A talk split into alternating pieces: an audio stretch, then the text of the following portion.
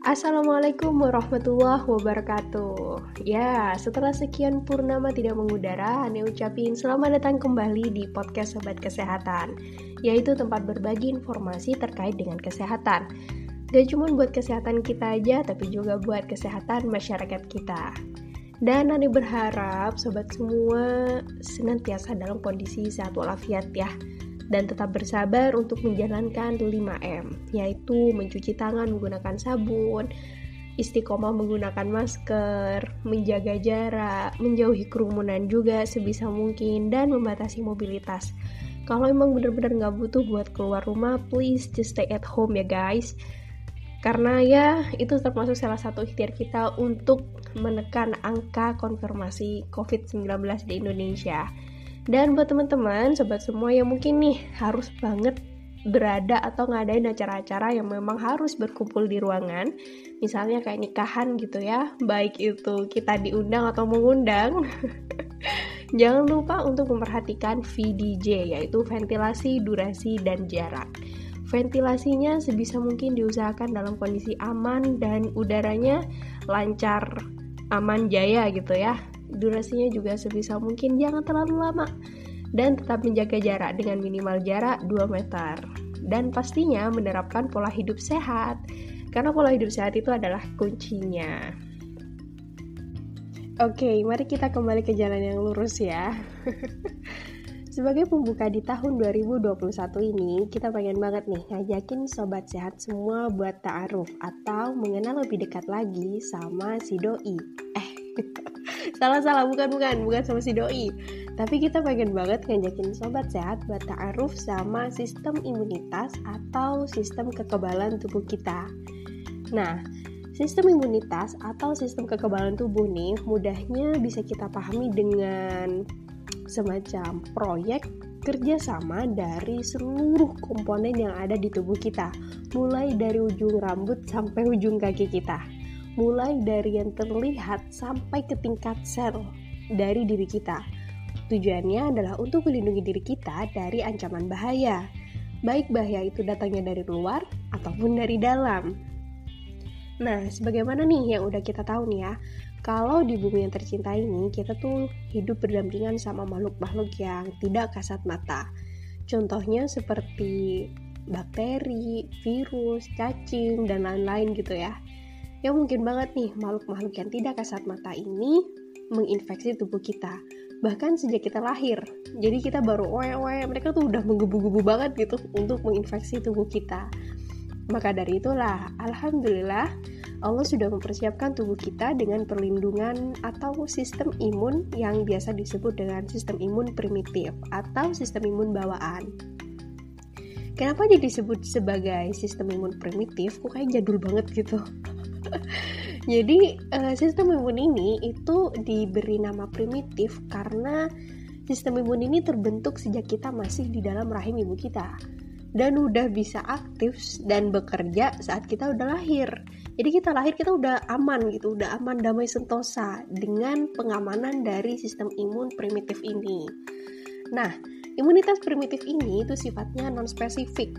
Jadi mereka uh, random aja gitu nyerangnya tuh bahan-bahan asing apa pun yang masuk ke dalam tubuh kita mereka serang tanpa pandang bulu dan tanpa ampun. Nah, karena sifat premanisme mereka ini nih yang mendarah daging banget gitu ya.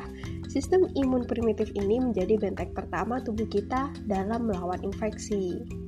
Nah, imunitas primitif ini itu dipunggawai oleh dua pasukan, di mana pasukan yang pertama adalah pasukan dengan mode serangan langsung. Wes, cat, cat, cat. Pasukan ini nih terdiri dari dua petugas, yaitu sel makrofag dan sel dendritik. Oke, okay, sudah hafal? Gak usah dihafal, nggak apa-apa kok. Kedua sel ini, yaitu sel makrofag dan juga sel dendritik ini, itu setiap saat keliling berpatroli melewati ngecekin satu-satu gitu ya ke seluruh sel yang ada di tubuh kita. Masya Allah, si skamling ya bu aktif banget. Jadi misalkan nih ada zat asing gitu ya yang masuk ke dalam tubuh kita dan terdeteksi biasanya mereka ini berdua gitu ya itu akan langsung ngeh oh nih ada zat asing nih. Langsunglah mereka meluncur ke TKP di mana zat asing itu masuk ke dalam tubuh kita. Nah, ketika sampai di lokasi TKP, mereka akan langsung identifikasi gitu ya, oh, mana nih dicari itu kan ya, di antara sela-sela sel tubuh kita. Dia akan mencari mana sih sebenarnya zat asing yang masuk ke dalam tubuh kita. Nah, kalau udah ketemu nih zat asingnya, oke okay, itu langsung ditandai. Oke, okay, dia adalah zat asing yang membahayakan. Maka saat itu juga sesudah ditandai, kedua sel ini akan menghancurkan zat asing yang masuk ke dalam tubuh kita dengan cara menelannya. Oke, okay, wow. Kalau dibayangin rada horor juga ya. Tapi untungnya kedua sel ini tuh nggak kayak kita yang kalau habis makan kenyang terus tidur. Kedua sel ini biasanya sehabis menelan zat asing gitu ya, baik itu zat asingnya adalah virus atau bakteri yang masuk ke dalam tubuh kita. Nah, mereka akan membongkar zat asing ini di dalam perutnya. Mereka akan bongkar habis gitu ya, dicari nih sebenarnya identitasnya si benda asing ini. Sebenarnya benda asing ini siapa sih gitu ya? Kalau memang dia virus, dia virus apa gitu. Jadi udah dicari di dalam perutnya si kedua sel ini. Kalau misalkan mereka udah berhasil ngulik identitas si bahan asing ini, maka mereka akan memberikan berkas-berkas hasil ngulik mereka ke petugas sistem pertahanan benteng kedua untuk kemudian ditindaklanjuti.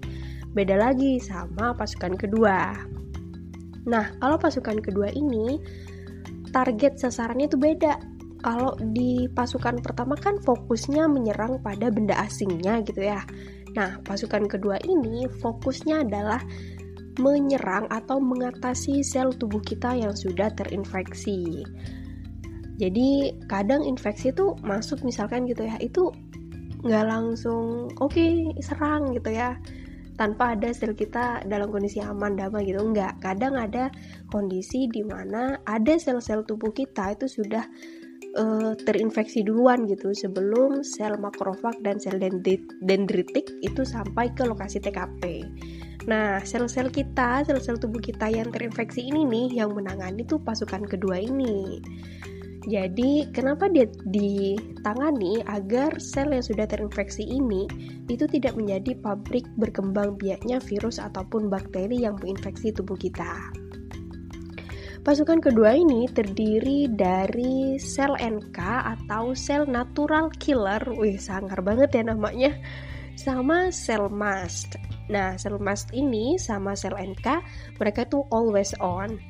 Nah, kalau misalkan kedua sel ini lagi patroli gitu, terus uh, dapat kabar gitu atau menemukan zat asing gitu ya, yang menginfeksi tubuh kita atau mereka dengar kabar dari sel-sel sebelah gitu sel-sel tetangga yang ngasih tahu eh weh itu ada ada infeksi nih di daerah sini. Nah mereka langsung tuh meluncur ke lokasi TKP sesuai sama namanya sel natural killer gitu ya itu kalau udah nyampe ke lokasi TKP dia itu akan segera membunuh sel kita yang terinfeksi dengan cara mengeluarkan dua enzim yang magic banget Kedua enzim ini namanya adalah enzim perforin dan juga enzim granzim.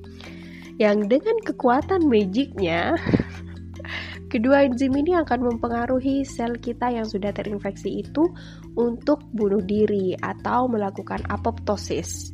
Bahasanya kayak kematian terprogram gitu. Jadi sel NK ini bakalan ngomporin sel kita yang sudah terinfeksi untuk bunuh diri gitu ya sambil ngomong gitu kan. Udah kamu kan udah sakit daripada kamu nyusahin tubuh ini ya kan. Mending kamu bunuh diri aja gitu. Itu tuh tugasnya natural killer.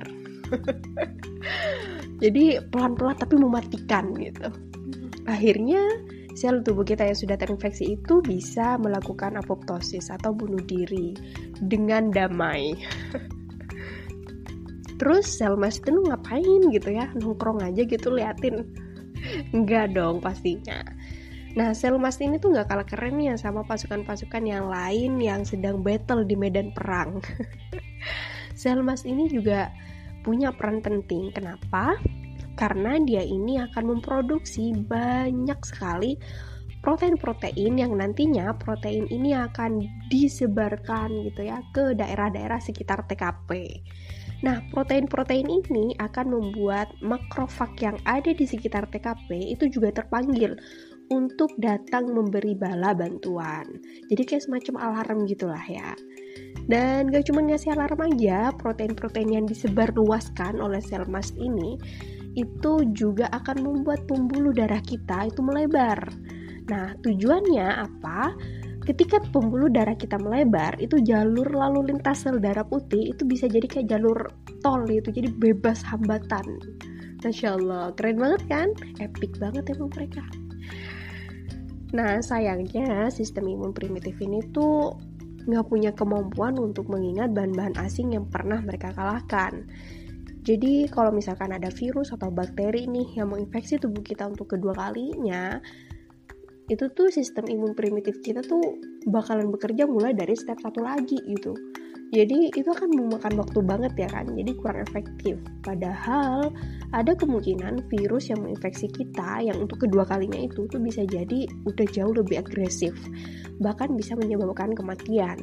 Kalau misalkan kerja imun kita itu rada-rada lelet Nah, that's why gitu ya, tubuh kita itu butuh pasukan keamanan yang geraknya itu jauh lebih cepat. Dan hal itu udah disiapin juga sama Allah Subhanahu wa taala di dalam tubuh kita sebagai benteng pertahanan kedua. Mereka menamai pasukan ini dengan sebutan sistem imun adaptif atau sobat juga boleh ya nyebut mereka dengan sistem imun milenial. Kenapa disebut milenial gitu ya? Karena dia tuh punya energi semangat yang berapi-api. Buktinya mereka ini mampu banget merespon bahaya lebih cepat dan lebih spesifik dibandingkan sistem imun primitif yang di awal tadi.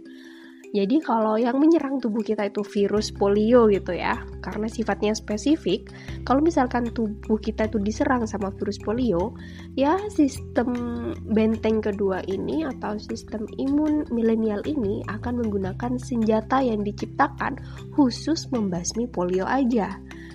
Beda lagi kalau misalkan yang menyerang tubuh kita bakteri, ya maka sistem kekebalan tubuh yang adaptif ini akan menyerang menggunakan senjata yang khusus mereka rancang untuk bakteri TB aja. Karena mereka sangat spesifik banget kerjanya, jadi sistem imun adaptif ini itu jauh lebih presisi dan efektif. Selain spesifik, sistem imun adaptif ini bisa dibilang pertahanan jangka panjang juga. Kenapa? Karena mereka ini punya kemampuan mengingat karakteristik dari setiap musuh-musuh yang pernah menyerang tubuh kita. Jadi gitu deh ya. Kayak cewek banget gitu kan. Inget inget banget gitu kejadian masa lalu. Jadi mereka inget banget. Dan jangka ingetnya nih keren banget nih ya. Ingatan mereka ini nih bisa bertahan bahkan sampai jangka waktu 10 tahun bahkan lebih. Masya Allah keren banget ya dan di sel imun adaptif ini, di sistem imun adaptif maksudnya, itu ada dua sel yang berperan di dalamnya, yaitu namanya adalah sel T dan juga sel B. T dan B, gampang kan? Nah, saat sel makrofag nih ya dari sistem imun primitif itu sudah menelan dan memiliki berkas-berkas identitas bahan asing yang menyerang tubuh kita, maka berkas-berkas ini itu kemudian diserahkan kepada sel T.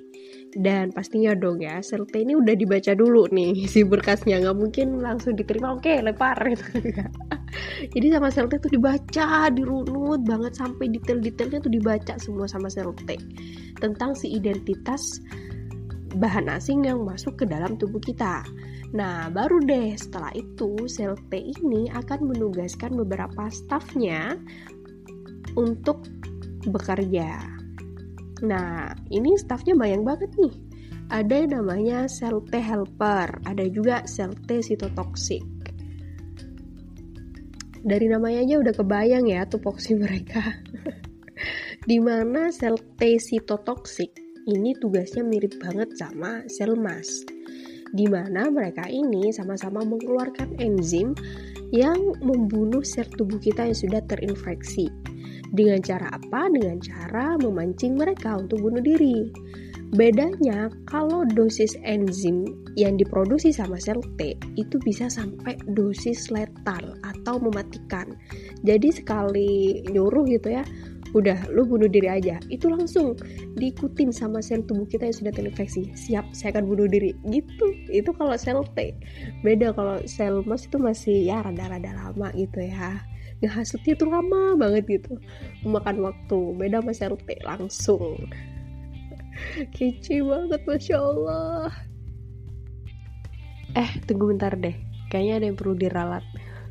Itu maksudnya sel T toksik cara kerjanya mirip banget sama sel NK bukan sama sel mast sorry ya. Nah itu kalau si sel T toksik ya langsung. Toksik banget pokoknya deh beda lagi sama sel T helper nah dari namanya aja helper ya jadi tugasnya itu adalah bantu-bantu bantu ngepel Gak, gak, gak, gak. Bukan bantu ngepel, tapi bantu menghasilkan sitokin yang bisa manggil lebih banyak lagi makrofag lain untuk membantu dan meluncur ke TKP. Selain itu dia juga sel T helper ini juga bantu ngebangunin makrofag makrofag gitu ya. Yang mungkin ketiduran gitu. Habis diskamling capek gitu kan ya. Jadi dibangunin tuh sama sel T helper. Woi bangun bangun. Itu ada ini ada infeksi bantuin dong. Oh siap siap gitu ya. Itu biasanya sel T helper tuh. Yang paling penting adalah sel T helper ini adalah bantu mengaktifasi atau membangunkan sel B untuk segera membentuk antibodi. Eh, udah biasa ya dengar antibodi. Jadi gimana sih sebenarnya proses antibody itu tercipta? Nah, sel T helper ini ketika dia membangunkan sel B, kalau sel B udah bangun, udah ngeh gitu ya, udah sadar, udah nyambung ruhnya, itu dia akan menyerahkan berkas-berkas identitas yang dia dapat dari sel makrofag yang isinya itu adalah informasi terkait benda asing yang masuk ke dalam tubuh kita. Nah, berkas itu tuh diberikan kepada sel B untuk kemudian segera dianalisis. Apa aja yang dianalisis? Yang dianalisis adalah kekuatan dari zat asing itu apa, kelebihannya apa. Jadi antibodi yang dirancang sama sel B itu udah bener-bener ampuh gitu. Nah, ketika sel B udah e, nerima gitu ya, nerima berkas itu udah dibaca kelebihan dan kekurangan zat asing itu, barulah sel B ini akan memproduksi antibodi.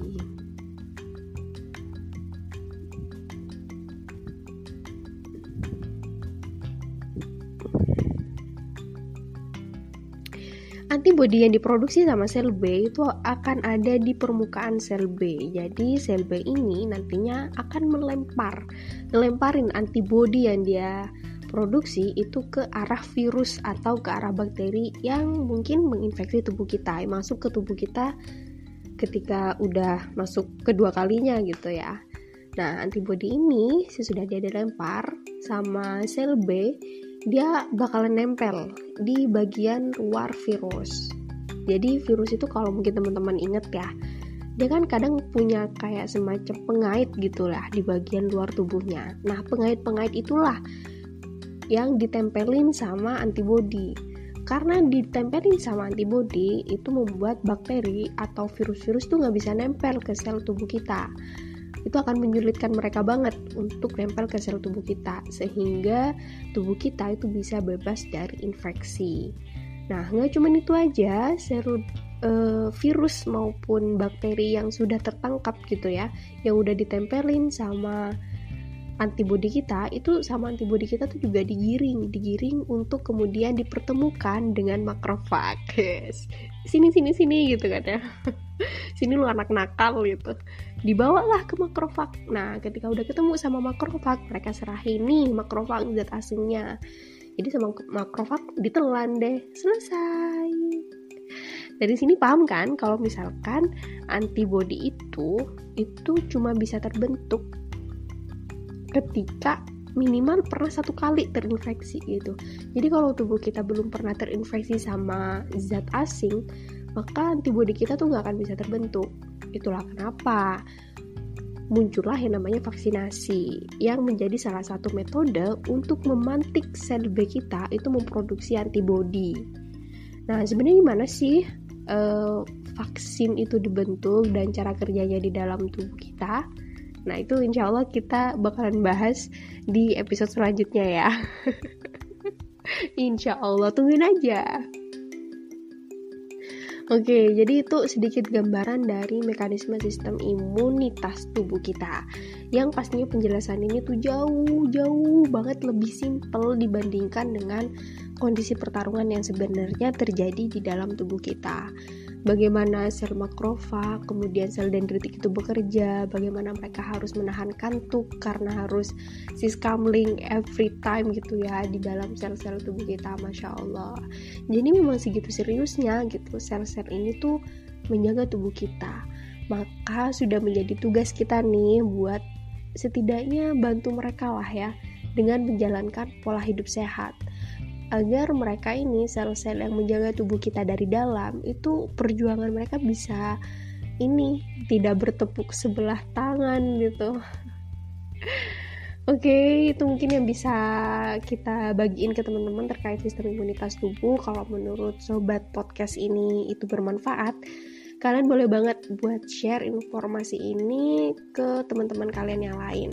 Karena semakin banyak yang tahu dan paham, itu akan semakin banyak pula orang-orang yang mau bergerak untuk menjalankan pola hidup sehat. Oke, okay, see you on the next episode. Assalamualaikum warahmatullahi wabarakatuh.